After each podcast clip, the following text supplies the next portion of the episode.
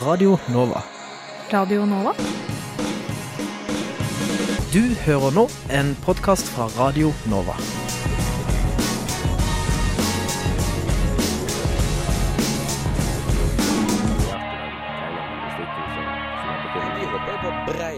Oppslutning om SV, og jeg tror at det eneste som kan få norsk løsner båndene mellom staten og kirka, og forhåpentligvis fører til tettere bånd mellom kirka og folk. Så hadde de gjort som andre fjøringsbevegelser i verden, hadde de helt legitimt kanskje tatt i våpen. Og, så direkte skildring av menneskeskjebner tror jeg ikke vi har sett eh, i noen annen nyhetsdekning av noen annen terroraksjon. Det er såpass store forskjeller mellom den kalde krigen, hvor det var to stormakter som sto mot hverandre, eh, og den situasjonen vi har i dag. Du hører på samfunns- og aktualitetsmagasinet Opplysningen 99,3 på Radio Nova. Opplysningen 99,3 på Radio Nova. Visste du at Norge har atomavfall? Nei til atomvåpen kritiserer måten dette håndteres på. Vi må langt tilbake i historien for å forstå hvorfor Midtøsten er så konfliktfylt. Sverre Lodgaard fra NUPI og Jørgen Jensehaugen fra NTNU gir oss en historisk leksjon. Retten til abort er en rettighet vi i Norge nærmest tar for gitt, men veldig fjernt for flertallet av verdens kvinner. Hvordan ser egentlig abortlovene ut i verden i dag? Amnesty Norge svarer. En P-stasjon har en innvirkning på den enkelte nordmanns selvfølelse og identitet. De sliter, og de har ikke råd til å betale eh, markedspriser for, for gassen. Akkurat nå hører du på Radio Novas samfunns- og aktualitetsmagasin, Opplysningen 99,3. God formiddag og velkommen til Opplysningen 99,3 fredag 15. april. Vi er Radio Novas samfunns- og aktualitetsmagasin, og vi stopper opp der andre medier haster forbi. Og i tillegg til nevnte saker får du ukens kommentar, der et av redaksjonsmedlemmene våre har skrevet et ganske så personlig brev til Rune Bjerke, konsernsjef i DNB. Mitt navn er Signy Grape. Og vi begynner utenriks, og det er Tora Bjørke Sandberg som er programleder i dette innslaget. Trodde du strikkepinneaborter tilhørte 1800-tallet? Da tok du skrekkelig feil. Fortsatt mangler et flertall av verdens kvinner retten over sin egen kropp. Nå ønsker store deler av folket i Polen å totalforby abort. Abortkampen i land som Chile har ikke kommet lenger enn at man nettopp har kjempet fram retten til abort ved voldtekt eller fare for eget liv og helse. Selv i Norge vitner KrF sitt forslag om obligatorisk betenkningstid at det er krefter som ønsker å endre abortloven. Hvordan ser egentlig abortlovene ut i verden i dag? KT, politisk rådgiver i Amnesty, velkommen hit i studio. Tusen takk. Du jobber med kjønn og seksualitet. Det gjør jeg. I så å si alle land så har man lovverk som gir, sier hvor stor adgang man har på abort. Hva er hovedforskjellene mellom f.eks. Europa og Sør-Amerika? Den store forskjellen er at i de aller fleste land i Vest- og Nord- og Sør-Europa tillater abort eh, på forespørsel inntil en bestemt uke i svangerskapet. Mens tilgangen til abort er veldig begrenset i Latin-Amerika. Der er flere land eh, blant dem som har et totalforbud mot abort. Og det betyr at det ikke er lov å avbryte en graviditet. Eh, ikke engang når graviditeten truer kvinnens liv eller helse, eller når graviditeten er et resultat av voldtekt eller incest. Det som er interessant, er at Latin-Amerika også er det kontinentet som faktisk har det høyeste antall aborter i verden, til tross for at det er et kontinent som har den mest restriktive abortlovgivningen i verden. Ja, og hvis man tenker litt mer på Europa og eh, land som f.eks. Russland, som man tenker på som ganske konservative, eh, så har de allikevel eh, tillatelse for abort. Hva er grunnen for dette? De har tillatelse til abort, og det er fordi i en periode så har i hvert fall i prinsippet respekt for kvinners rettigheter vært forholdsvis stor, og tilgangen på uh, reproduktive rettigheter som abort uh, ganske enkel. Samtidig så er Russland og um, Øst-Europa den, den, delen av verden der abortraten er høyest. Og eh, nå så er det jo en stor bevegelse i Polen, som også er i Øst-Europa, om at man ønsker å totalt forby eh, abort helt. Eh, hva, hvordan er dette blitt mottatt ellers? Polen har jo allerede i dag Polen er et av to land i Europa som har en veldig restriktiv abortlovgivning. Polen og Irland uh, gir ikke engang kvinner adgang til terape terapeutisk abort. Det betyr abort når morens liv eller helse er i fare, eller en abort når graviditeten er et resultat av voldtekt eller uh, incest. I Polen så praktiseres i tillegg loven veldig veldig restriktivt, så selv om du er voldtatt, så har du store problemer med å få til en abort. Eh, det som har skjedd i Polen nå, er at det er tatt et uh, initiativ fra religiøse ledere og fra en uh, antiabortgruppe om å da innføre et totalforbud mot abort, som da vil medføre at ingen noen gang vil kunne eh, avbryte en graviditet. Her har det også vært en eh, veldig tydelig prosess, protest fra eh, kvinnebevegelsen og andre, eh, som i tusentalls har strømmet ut i gatene både i Warszawa og i andre store polske byer for å protestere mot, eh, mot eh, dette forslaget. Så da tenker jeg at da er det jo viktig for, for, for mennesker i Norge som ser hvor viktig det er at kvinner har tilgang til retten til abort, og støtte opp om denne kampen. Eh, det har vært tilfeller der jenter har fått innvilget uh, abort i uh, Polen f.eks., men ikke har blitt fått tillatt av legene, at det har blitt nektet av legene. har dette vært et stort problem lenge og, og i Polen? Det har vært et problem uh, i Polen, og Polen har flere dommer mot seg fra Den europeiske menneskerettighetsdomstolen nettopp i slike saker der, en, der loven i prinsippet tillater voldtekt som er et resultat av Nei, um, unnskyld, abort som er et resultat av voldtekt. Der uh, jenta har fått innvilget en abort, men der legen nekter å utføre den. internasjonale menneskerettigheter er veldig tydelige på det at det er en rett å ha tilgang på abort der hvor graviditeten truer kvinnens liv og helse, eller der hvor eh, graviditeten er et resultat av voldtekt eller incest. Så eh, både den internasjonale eh, både den europeiske menneskerettighetsdomstolen og andre viktige FN-organ har vært tydelige i forhold til både Polen, Irland, El Salvador, Nicaragua og andre land som ikke gir kvinner denne viktige retten. Ja, eh, når du er inne på det med rettigheter eh, Dere er jo en menneskerettighetsforkjempende organisasjon. Eh, men er egentlig adgang på abort en menneskerettighet? Det som er en menneskerettighet, er retten til terapeutisk abort. Det er hevet over enhver tvil. Retten til å kunne avbryte en graviditet som er et resultat av voldtekt eller incest, eller som truer kvinnens liv og helse, eller der hvor fosteret uh, ikke er levedyktig. Uh, det plikter stater å sørge for at kvinner har.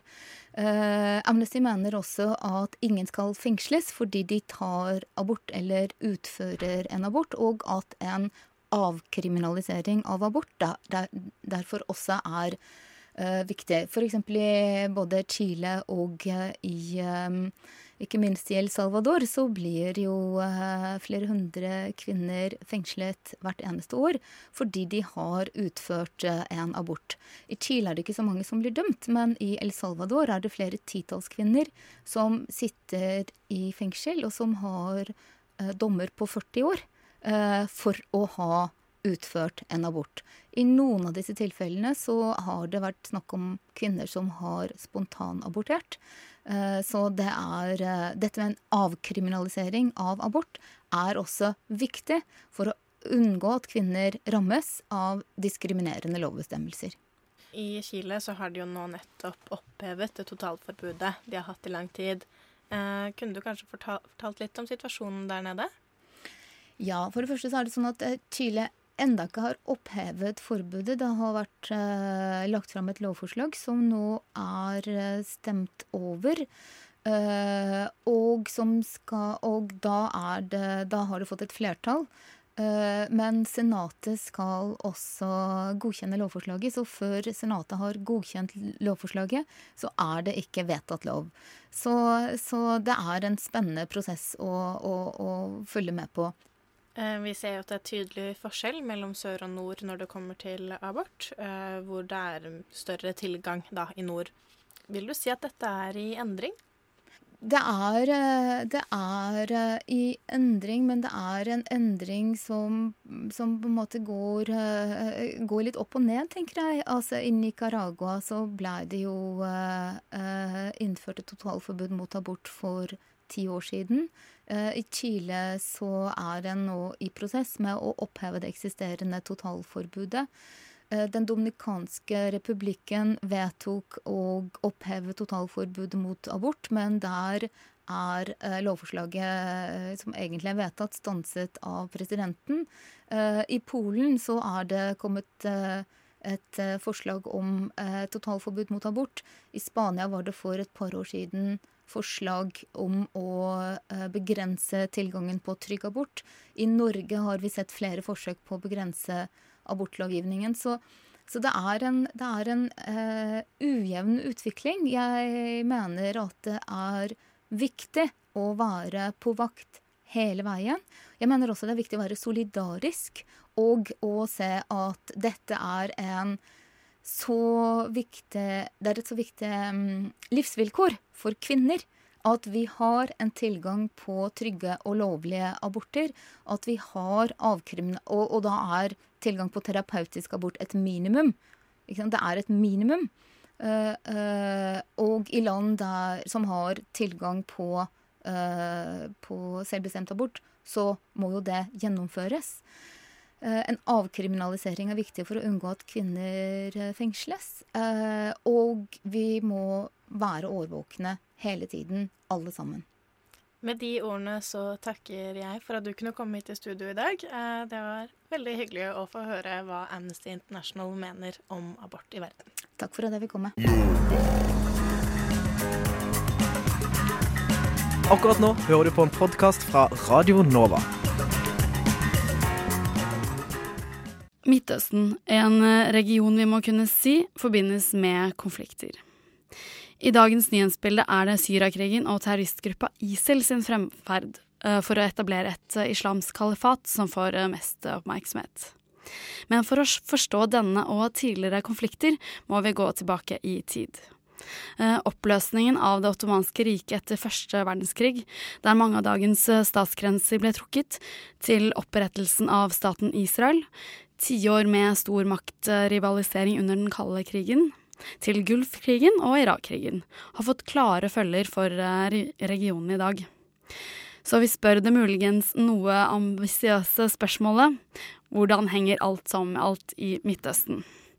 Og for å hjelpe oss med å besvare dette, har vi Sverre Loddgaard, seniorforsker ved NUPI, Norske utenrikspolitisk institutt, og Jørgen Jensehaugen, stipendiat ved Institutt for historiske studier ved NTNU. Velkommen, begge to. Takk, takk. Og vi begynner rett og slett eh, kronologisk ved første verdenskrig. Hva var det seierherrene etter første verdenskrig gjorde med Midtøsten etter krigens slutt i 1918, Lodgaard? Loddgaard? Britiske Sykes og franske Picot eh, begynte å tegne om igjen på Midtøsten-kartet. Begynte altså tidlig som i 1916. Og formet de grensene som vi eh, kjenner i dag. Én folkegruppe eh, falt utenfor. Det var ikke plass til dem på tegnebrettet. Og det var kurderne. Eh, Det er gjort mange forsøk eh, på å endre grensene etter den tid med militær makt, men eh, det har vært mislykket i det alt vesentlige. Unntaket er utvidelsen av Israels grenser i, i flere omganger. Og så settes da grensene på prøve, som vi vet i dag, i Irak og Syria, men også, men også andre steder. Men igjen, de grensene som Sykes og Picot trakk opp, eh, de har vist seg å være kanskje mer varige eh, og vanskeligere å endre på enn man hadde forestilt seg.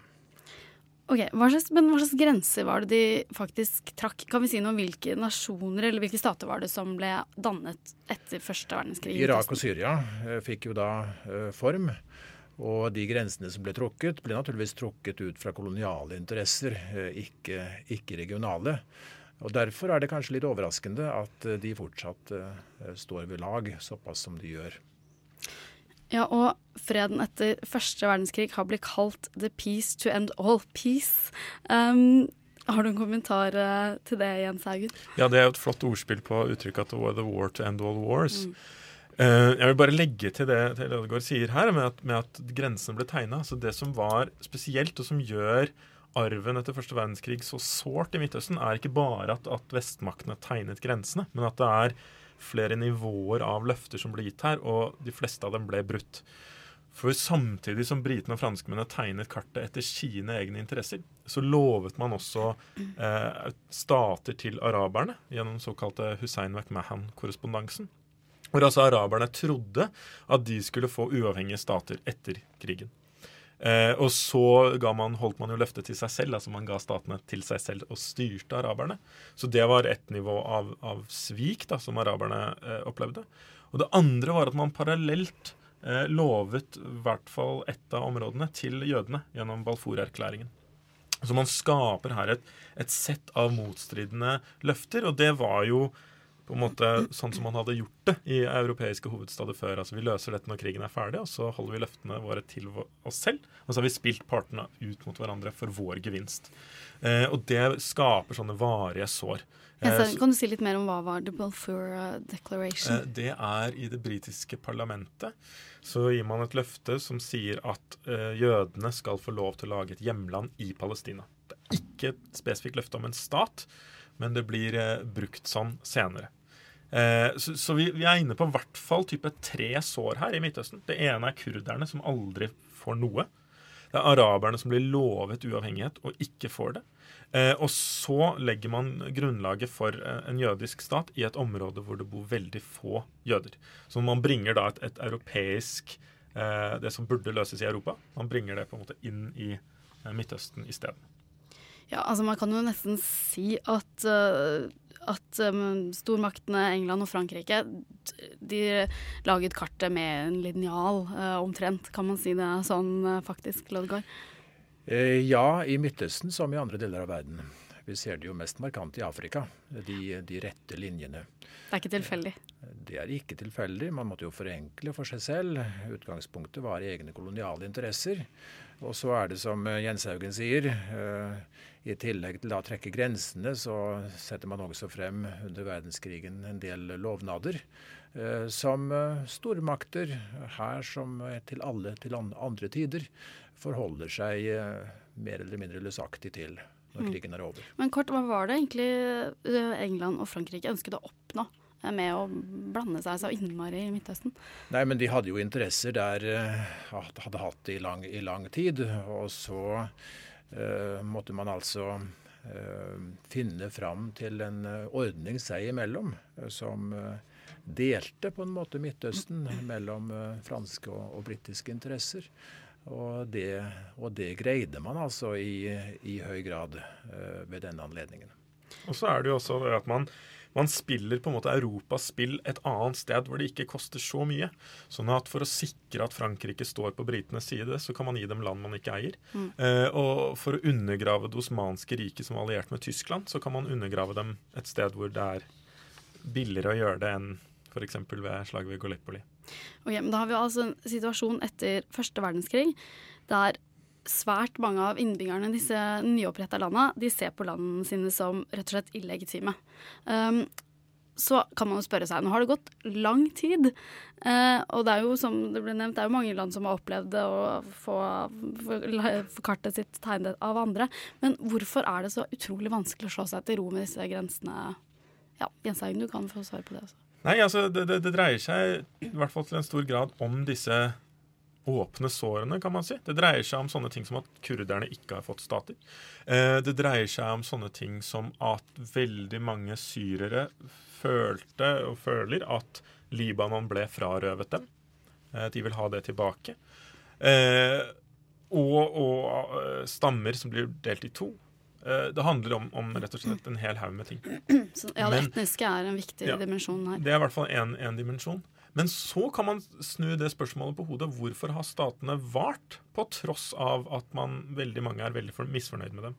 Og det har noe med at statseliter klarer å styre dem og vil ikke skusle bort den makten de har tilrøvet seg. Mm. Skal vi ta et langt hopp? Er vi klare for det? Ok, Da tar vi et langt hopp fra første verdenskrig og det uh, ottomanske riket sitt fall til opprettelsen av staten Israel. Uh, altså, Europa ligger brakk etter andre verdenskrig, og seks millioner jøder er drept i holocaust. Og da får vi opprettelse av staten, som sagt, i 1948. Uh, hva er det som har skjedd her? Jens Eigen, du kan få svare på det også. siden det er litt Jeg skal prøve å svare på det veldig kort. Det er en prosess som skjer at du får eh, en jødisk nasjonalisme, som kalles sionismen, som går ut på at vi er et folk, og vi har krav på et land. Og det landet finner man i Palestina. Av historiske årsaker så er det det som, som, som bygger seg fram. Og så har man en, først en, en støtte fra britene i form av Balfour-erklæringen, som vi var inne på. Men det man først og fremst har, er en sterk sionistbevegelse som bygger opp en hær. Som bygger opp eh, et maktapparat. altså Det bygger opp en stat klar til å bli en stat. Eh, og man har vanvittige spenninger i Palestina som FN forsøker å løse ved å dele landet mellom araberne og jødene. Men den delingsplanen, selv om det er eh, forsøk på fred, så skaper det en oppskrift på krig fordi man må dele landet 50-50. Og det, det, lå, det, var ikke 50-50. Fordelingen var ca. 90-10. Eh, og det, er, det, blir da en oppskrift på krig, og det får katastrofale følger for hele regionen. Eh, Lodgaard, kan vi si at på en måte Israel-Palestina-konflikten allerede startet når det ottomanske riket gikk i oppløsning etter første verdenskrig? Ja, som Jens Haugen har forklart, så gjør det jo på en måte det. Eh, så kommer vi inn i den eh, kalde krigen. Mm. Eh, da kommer det et nytt sceneskifte, også i Midtøsten. De gamle kolonimaktene de fases ut til fordel for de to supermaktene, USA og Sovjetunionen, som driver eh, internasjonal politikk der som i andre deler av verden. Internasjonal politikk ved, ved stedfortreder. Um, Sovjetunionen hadde tidvis fotfeste i Egypt, særlig under, særlig under Nasser. Uh, men også i, i Syria og litt i, og litt i Irak. Uh, USA ble etter hvert uh, den dominerende makten i Midtøsten. Men ingen av dem uh, prøvde seg på ting som vi har sett i, i senere tid. Ved å okkupere land, uh, gå inn og blande seg inn i, i borgerkriger. det var noe man, man avsto fra. Så det mønsteret man hadde da i Midtøsten under den kalde krigen, det var stort sett det samme mønsteret, kan du si, som man hadde i andre deler av verden. Midtøsten var en av mange arenaer for de to supermaktene som uh, mente de kunne uh, skalte og valte litt, konkurrere med hverandre, uansett i prinsippet hvor det var i verden. Her er vel et stikkord olje. For det var jo ikke klart etter første verdenskrig at nødvendigvis disse statene hadde olje. Men det begynte å bli en kamp nå under den kalde krigen. Olje ble veldig viktig. og veldig viktig for britene f.eks. I, i Iran. Det var ikke bare USA. Mm. og og Vest-Europa som ville ha fra de andre landene, arabiske landene.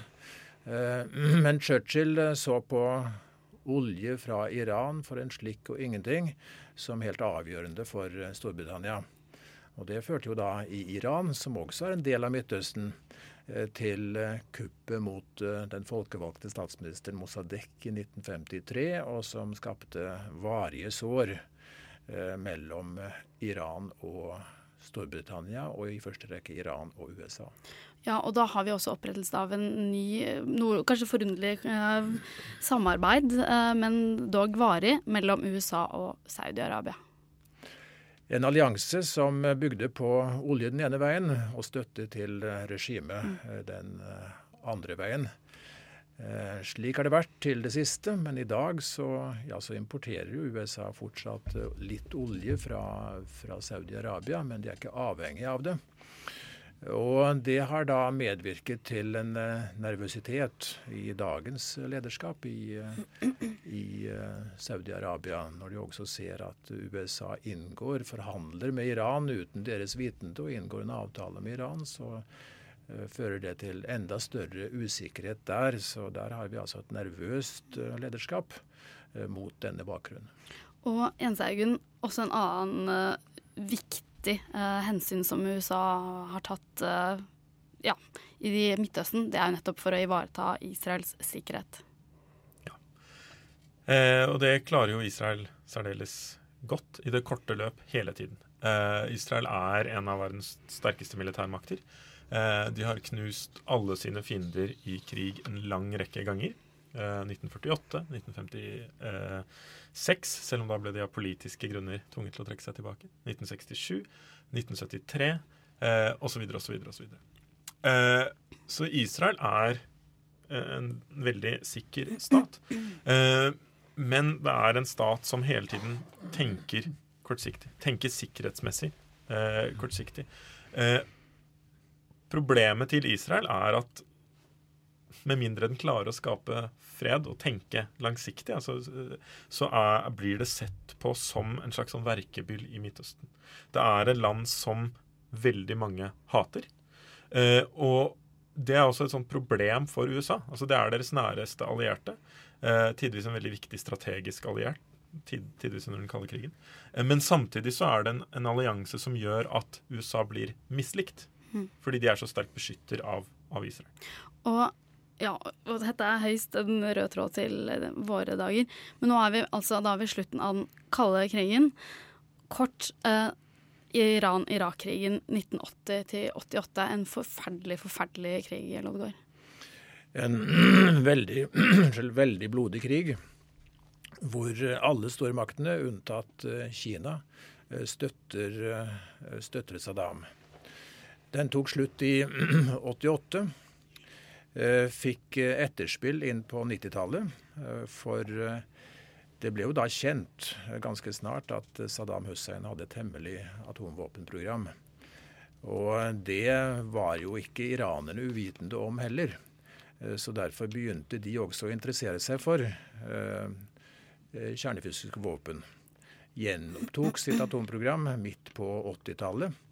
Men som en tidligere president i Iran sa eh, for kort tid siden, eh, vi diskuterte jo saken, eh, men det ble ikke noe særlig ut av det. Men det peker da frem mot det som skjedde i 2003 med, med sanksjoner mot Iran inn i dette århundret. Og en tilspisset konflikt mellom Iran og, og USA. Ja, og nettopp denne frykten for Iran det gjør jo da at USA de fòrer Irak og Saddam Hussein med våpen. Ja, de gjorde det, og det gjorde russerne for øvrig også, bare i litt, litt mindre grad. Alle stormaktene, som mm. sagt, eh, gjorde det. Eh, og du kan si mot den bakgrunn så kommer sceneskiftene veldig raskt. Mm. Eh, for i, i 91 så har vi det altså gående med, med den såkalte første Gulfkrigen. Mm. Etter at Saddam hadde invadert Kuwait, så gikk man altså til motaksjon. Og dette var i den såkalte mulighetenes periode i internasjonal politikk. For en gangs skyld, for første gang, eh, fungerte FNs sikkerhetsråd slik som charteret sa det skulle fungere. Og man fikk eh, et vedtak, et mandat fra FN, for å gjøre det man da gjorde. Altså kaste Saddam ut av, eh, ut av Kuwait. Og så fikk vi altså en flyforbudssone over det nordlige og sørlige eh, Irak til beskyttelse for kurderne i nord og sjiaene i, i, sør. Og det varte eh, inn i dette århundret. Og ja, Saddam Hussein han ble jo ikke fjerna eh, etter første Gulfkrigen, og satt jo da som eh, hele ja, 90-tallet som en verkebyll for Vesten, etter at han tidligere hadde jo vært en, ja, hva skal man si, en slags alliert, i hvert fall. Eh, og da er vi kjapt igjen eh, over til Irak-krigen i 2003. Kan bare legge til, du kan få legge til noe, Jens Haugen. Der, at uh, det med Saddams langvarighet er et interessant trekk ved Midtøsten gjennom hele den perioden vi har snakket om.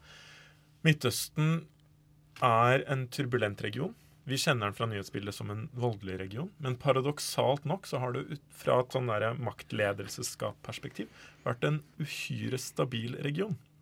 I den forstand at du har hatt Saddam Hussein som har styrt i ja, hva ble det? Nærmet seg 40 år. Eller eh, 30 år. Eh, Gaddafi i, i Libya. Altså Land etter land etter land så kan vi nevne individer som har styrt i, i en generasjon.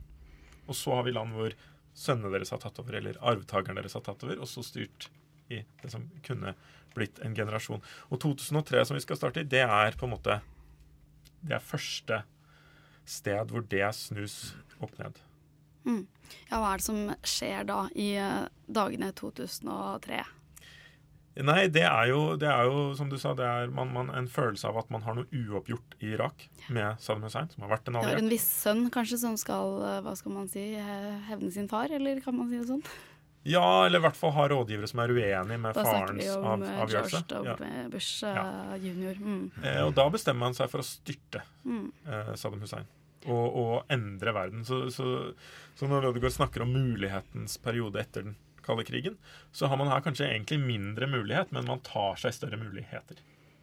Ja, Eh, så man bestemmer seg for å styrte regimet. Det hadde man ikke gjort før. Men eh, eh, den krigen i 91, altså den første Gulfkrigen, øh, den hadde ikke så veldig store regionale konsekvenser. Og far Bush var veldig klar på at han ikke skulle inn i Irak. Han skulle ikke til Bagdad. Og det sies at han fikk søvnløse netter da han skjønte at sønnen hadde tenkt seg dit. Og 2003 eh, ble ganske skjellsettende for, eh, for Midtøsten. Altså ikke bare, ikke bare okkupasjonen, eh, men det som skjedde kort tid etterpå, da USA bestemte seg for å oppløse hæren og Baath-partiet. Og derifra går det altså veldig sterke spor til Al Qaida og det som ble, og det som ble ISIL og alt som følger av det. Ja, for da er vi ved raskt til eh, nåtida. Eh, og som du sier, eh, man kan si at ISIL det er et direkte resultat av Irak-krigen eh, fra 2003. I veldig høy grad et resultat av eh, det dype skismaet mellom sunnier og, og sjiaer i, i Irak.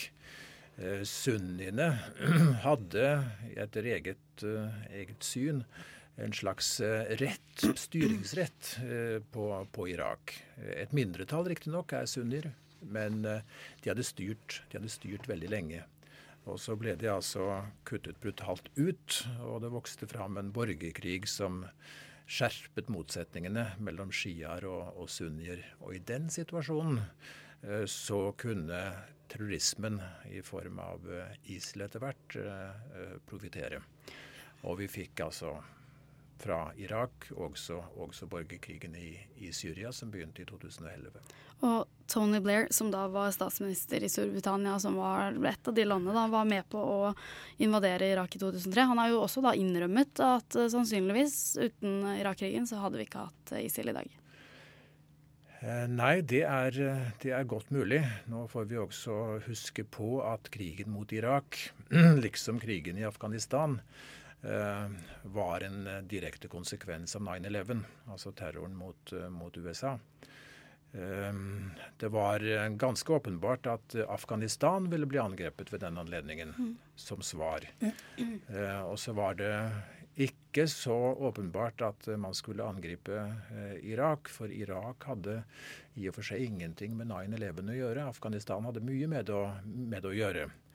Eh, og det er en underlighet at vi egentlig ikke vet eh, hva det var, nærmere bestemt, som drev amerikanerne eh, ved denne anledningen i 2003. Vi kunne følge en stor krig på TV-skjermene, men eh, vi visste ikke sikkert hva som var årsaken. Eh, men eh, Paul Wolfowitz, som var i administrasjonen den gangen, sa at vi samlet oss om masseødeleggelsesvåpen, for det var den faktoren vi kunne bli enige om. Mm. Og før vi tar en kort oppsummering, Jens Haugen. Du sier at dette er ganske stabile eh, stater, men man kan jo lure på at det er kanskje ikke så rart de er diktaturer eh, heller. De er jo umulige å styre. Ja, altså, Det er jo ikke gitt at de er umulige å styre. Det som er problemet, er at man i veldig, veldig lang tid har eh, utenfra eh, akseptert, selv om man ikke nødvendigvis har syntes det har vært bra, så har man akseptert at ekstremt autoritære ledere har kunnet styre. Eh, og fordi disse lederne har vært i stand til å spille stormaktene opp mot hverandre, eh, få våpen her, få penger der, eh, osv., bl.a. fordi de sitter på, på olje, eh, så har man akseptert det, og de statene har vært så autoritære, eh, så brutale i nedslåing eh, på egne eh, si, grasrotbevegelser at du har ikke hatt noen mulighet til å bygge opp en, et sivilsamfunn som kan fungere. Mm. Sånn at Sånn at det ligger masse latente problemer der, men samfunnene har ikke vært i stand til å løse dem på noen annen måte enn å dytte det ned. Så man har en slags trykkokereffekt. Så idet disse autoritære statene sprenges, så slippes alt dette løs. Så, sånn at potensialet til å styre dem er der, men man har ikke bygd opp de mulighetene. Lollegård, helt til slutt. eh, prøver du deg på en kort oppsummering? Vi hører mye om religion eh, i Midtøsten. Men nasjonale, økonomiske, politiske og militære interesser trumfer de eh, religiøse. Iran er det eneste landet hvor religiøse ledere også sitter i utøvende posisjoner. Eh, men også her eh, er det slik. Og med det vil jeg vel ha sagt at nasjonale interesser forklarer mer kampen om makt og innflytelse i regionen, forklarer mer enn andre faktorer. Men så er det da samtidig slik at lederskapene eh, mobiliserer sine brødre og søstre i troen eh, for, for felles sak. Eh, Det gjør Iran i forhold til sjiaer ellers. Det gjør Saudi-Arabia i forhold til, til sunnier. Og Derfor ser vi at konfliktskillelinjene i regionen stort sett følger religiøse skiller. Men det må altså ikke forstås dit hen at det er religionen som først og fremst driver politikken. Eh, Vi ser eh, forskjellige akser. Eh, En Shia-akse, en Sunni-akse som ledes av, av Saudi-Arabia. Og så, for å avslutte der, litt dystert, så har vi altså en del steder, en del land, hvor regjeringene har brutt sammen. Stater som er styringsløse.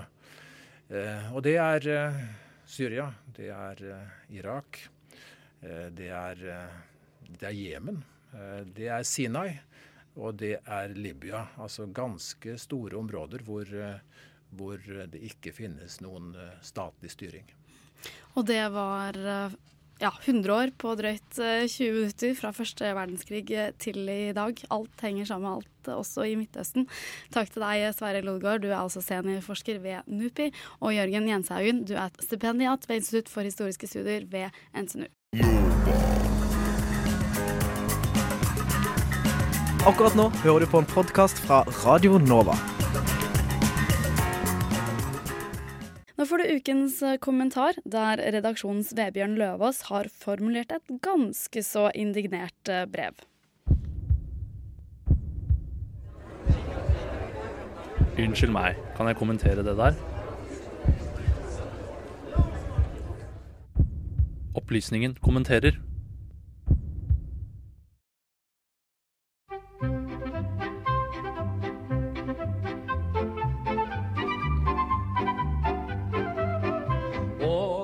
Satt i kveldinga og koste seg med skjellinga. Kroner én, kroner to, kroner tre, kroner fire, kroner fem, kroner seks, kroner sju, kroner åtte, kroner ni. Rune Bjerke og DNB. Jeg vet ikke hva jeg skal si. Og det passer kanskje greit, for du og styret vet jo heller ikke hva som foregår i DNB, bedriften du er toppsjef i. Eller, dere sier dere ikke vet da. Etter at lekkasjen som har blitt kalt Panama Papers viste at DNB sin lille og eksklusive filial i Luxembourg har lagt til rette for og hjulpet kunder med å opprette postboksselskaper i skatteparadis, gikk du, Rune Bjerke, ut og sa at dette visste i hvert fall ikke du noe om. Og heller ingen andre i DNBs styre eller konsernledelse visste hva som skjedde i Luxembourg, i Panama og på Seychellene. Den må dere lenger ut av landet med. Selvfølgelig visste dere hva som skjedde, og sannsynligvis har dere også godkjent det. Og dere har i hvert fall ikke gjort noe for å stoppe det som skjedde i Panama, i Luxembourg og på Seychellene.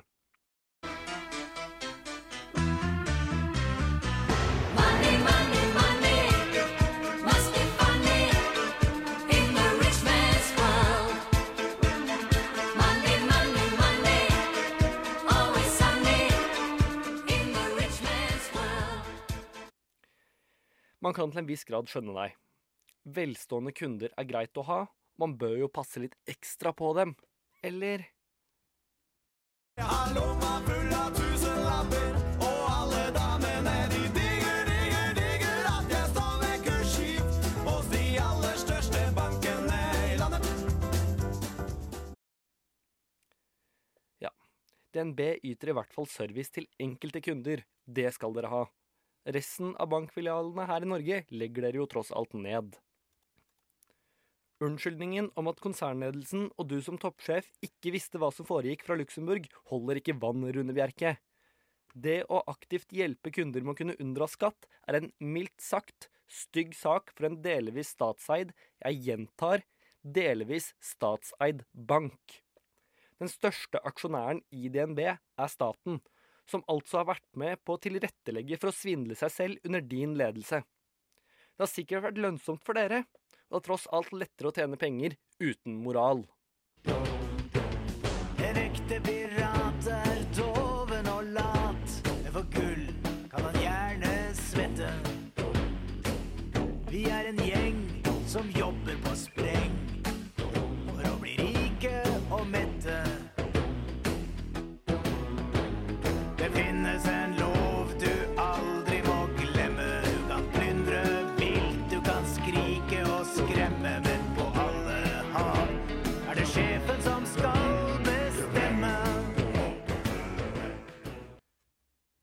Men ok, du har mye du skal ha oversikt over. Så la oss nå anta at du snakker sant, Rune, og at du faktisk ikke visste hva som foregikk i DNB i Luxembourg. Du kan ikke skylde på at resten av styret eller konsernledelsen ikke visste, for blant annet Terje Turnes i DNBs konsernledelse har sittet i styret i DNB i Luxembourg i ti år, og han bør jo ha oversikt.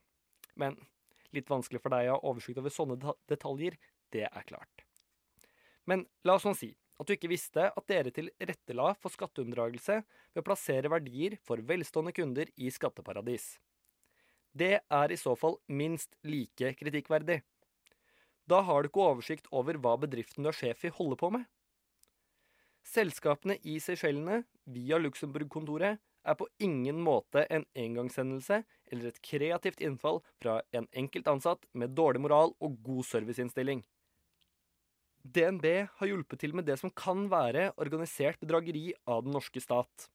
Noe du enten var klar over, og da er du ansvarlig for det siden du er sjef i DNB, og i tillegg så ljuger du da i ettertid, når du blir tatt med buksene nede.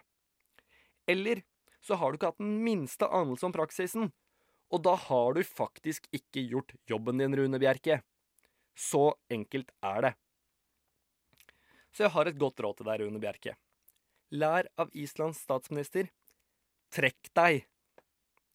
Og til DNB, gi staten innsyn. Dere har driti på draget. Ja, de penga, ja, de penga er til bekymring for fattig og for rik. Ukens kommentar var signert Vebjørn Løvaas. Vi holder oss i Norge, og fra stor bank og store penger til små, små atomer, men like fullt et potensielt stort problem. Programleder er Miriam Johannessen. Visste du at vi har atomkraft i Norge? Både i Halden og på Kjeller har atomreaktorer putret det godt siden 50- og 60-tallet. Den i Halden brukes til forskning, mens den på Kjeller også brukes til å fremstille isotoper til medisinsk bruk, bl.a. kreftbehandling. I mange år har avfallet fra disse reaktorene skapt hodebry for norske politikere, men avfallet er farlig for mennesker og natur enda lenger. I 100 000 år må det lagres sikkert. Hva skal vi gjøre med det norske atomavfallet? Med oss i studio for å diskutere dette har vi Frode Ersfjord, daglig leder i Nei til atomvåpen. Velkommen. Takk skal du ha. Når fikk vi atomkraft i Norge, og hvorfor? Vi starta med å utvikle teknologien i Norge også på 50-tallet. Vi var blant de første landene i verden eh, som fikk teknologi til å drive med atomkraft og forskning. Eh, noe av grunnen vil sikkert mange hevde, er fordi vi har eh, rik tilgang på tungtvann, som er noe som eh, brukes i eh, atomindustrien, og som også har gjort det mulig for Norge å bytte til seg varer og, og, og reise rundt og, og se på teknologi. Eh, reaktorene eies og drives av Institutt for energiteknikk. Eh, hvilken organisasjon er dette?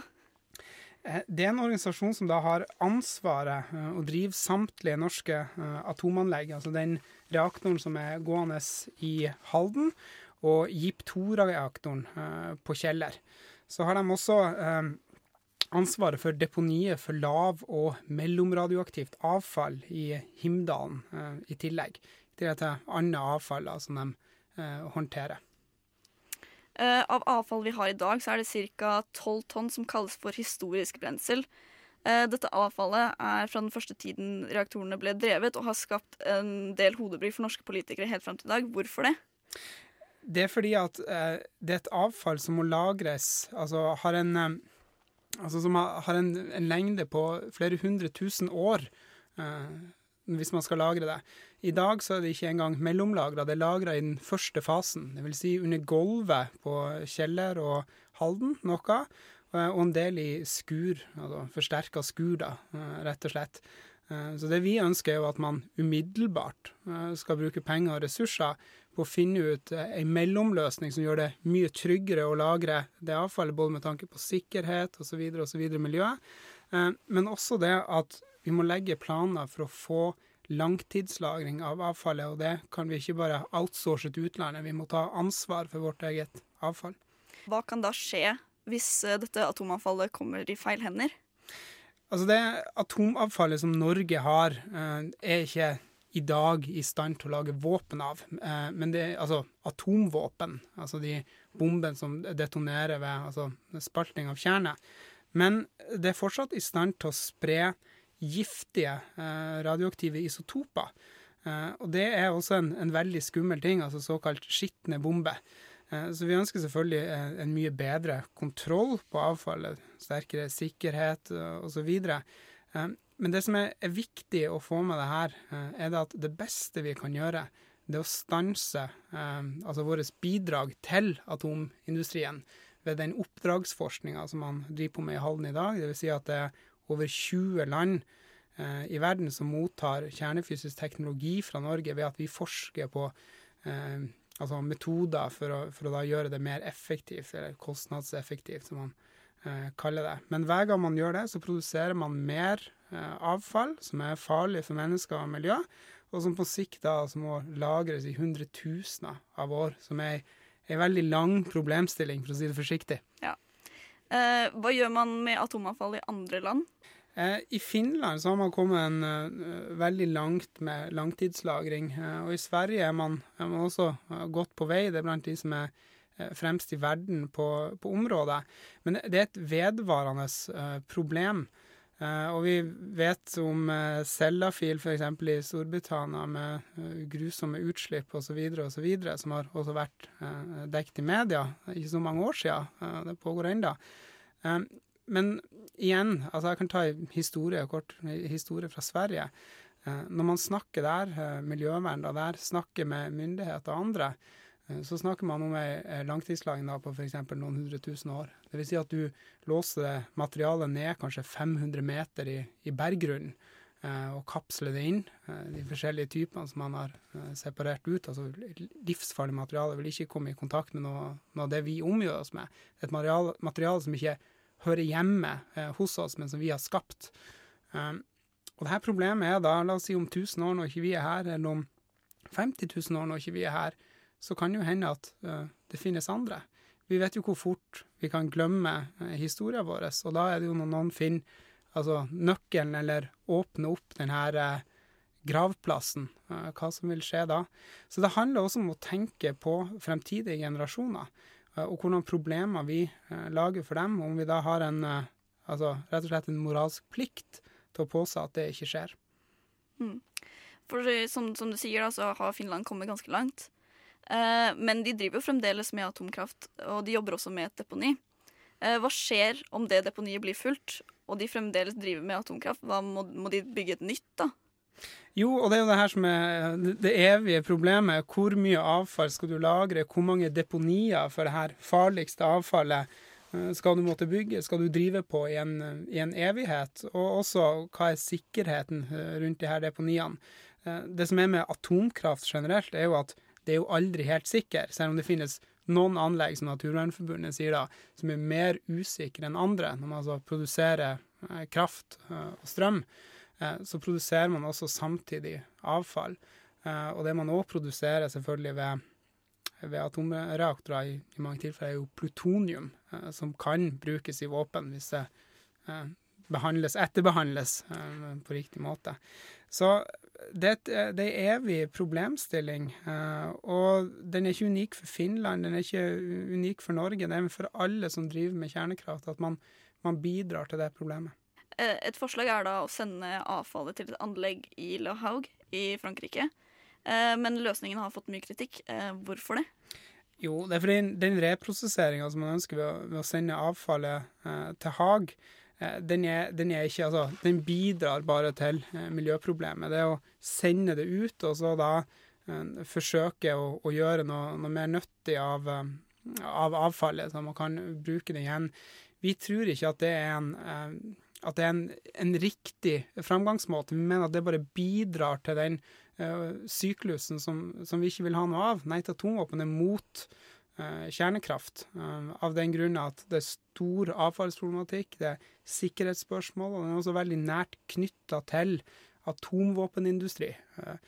for å si det sånn, så Det internasjonale atomenergibyrået har en, sånn, en måte å regne hvordan land som kan få kjernefysiske våpen på. Og da sier de det at hvis du da har en gitt mengde, noen kilo med plutonium, eller åtte kilo med plutonium, eller jeg tror det er omtrent 60 kilo med høyanrika uran, så er du 30 dager fra å kunne utvikle et våpen. Så de her tingene henger sammen. Uh, du har avfall, du har våpenproblematikk, og du har ikke minst sikkerhetsspørsmål rundt det, som er evig. 26.4 er det 30 år siden Tsjernobyl-ulykken. Hvorfor mener dere at dette er en viktig markering? I Nei til atomvåpen og for så vidt Naturvernforbundet og andre, så mener vi det er en, eh, en veldig viktig merkedag. For den viser at eh, det er 30 år siden det verst tenkelige uh, uhellet skjedde når det kommer til kjernekraft. Da var det en reaktor i Ukraina som løp løpsk, slynga av beskyttelsesseter som gikk, lå på toppen for å altså beskytte omverdenen for det radioaktive materialet, og sprøyta da ut i løpet av ti dager 500 tonn med radioaktivt materiale, eh, som da eh, kom over 40% av Europa. Vi fant de isotopene eh, bl.a. i Lyngen i Norge også. Så det viser egentlig at man Det vi ønsker å gjøre, er å sette Vise frem farene ved å drive med kjernekraft og denne teknologien.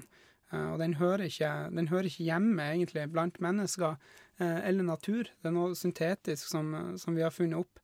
Vi får da besøk eh, fra en som var med å rydde opp i dagene etter i Tsjernobyl etter ulykka. Han kommer på Fredshuset klokka fem den 26. april og vil da fortelle oss om, om, sine grufulle opplevelser fra den.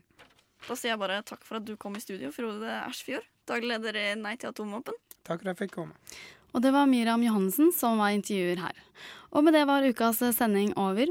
Tekniker har vært eh, Petter Pettersen. De som har laget ukas sending, har vært eh, Vebjørn Løvaas, Hanne Kjærland Olsen, Emilie Skogstrøm, Tora Sandberg og altså Miriam Johannessen. Og jeg heter Signe Grape. Hør oss igjen på radionova.no, Soundcloud eller last oss ned som podkast. Nå får du straks uh, Nyhetsfredag.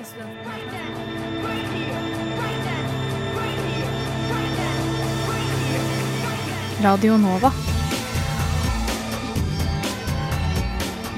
Du har hørt en podkast fra Radio Nova. Likte du det du hørte? Du finner flere podkaster i iTunes og på radionova.no.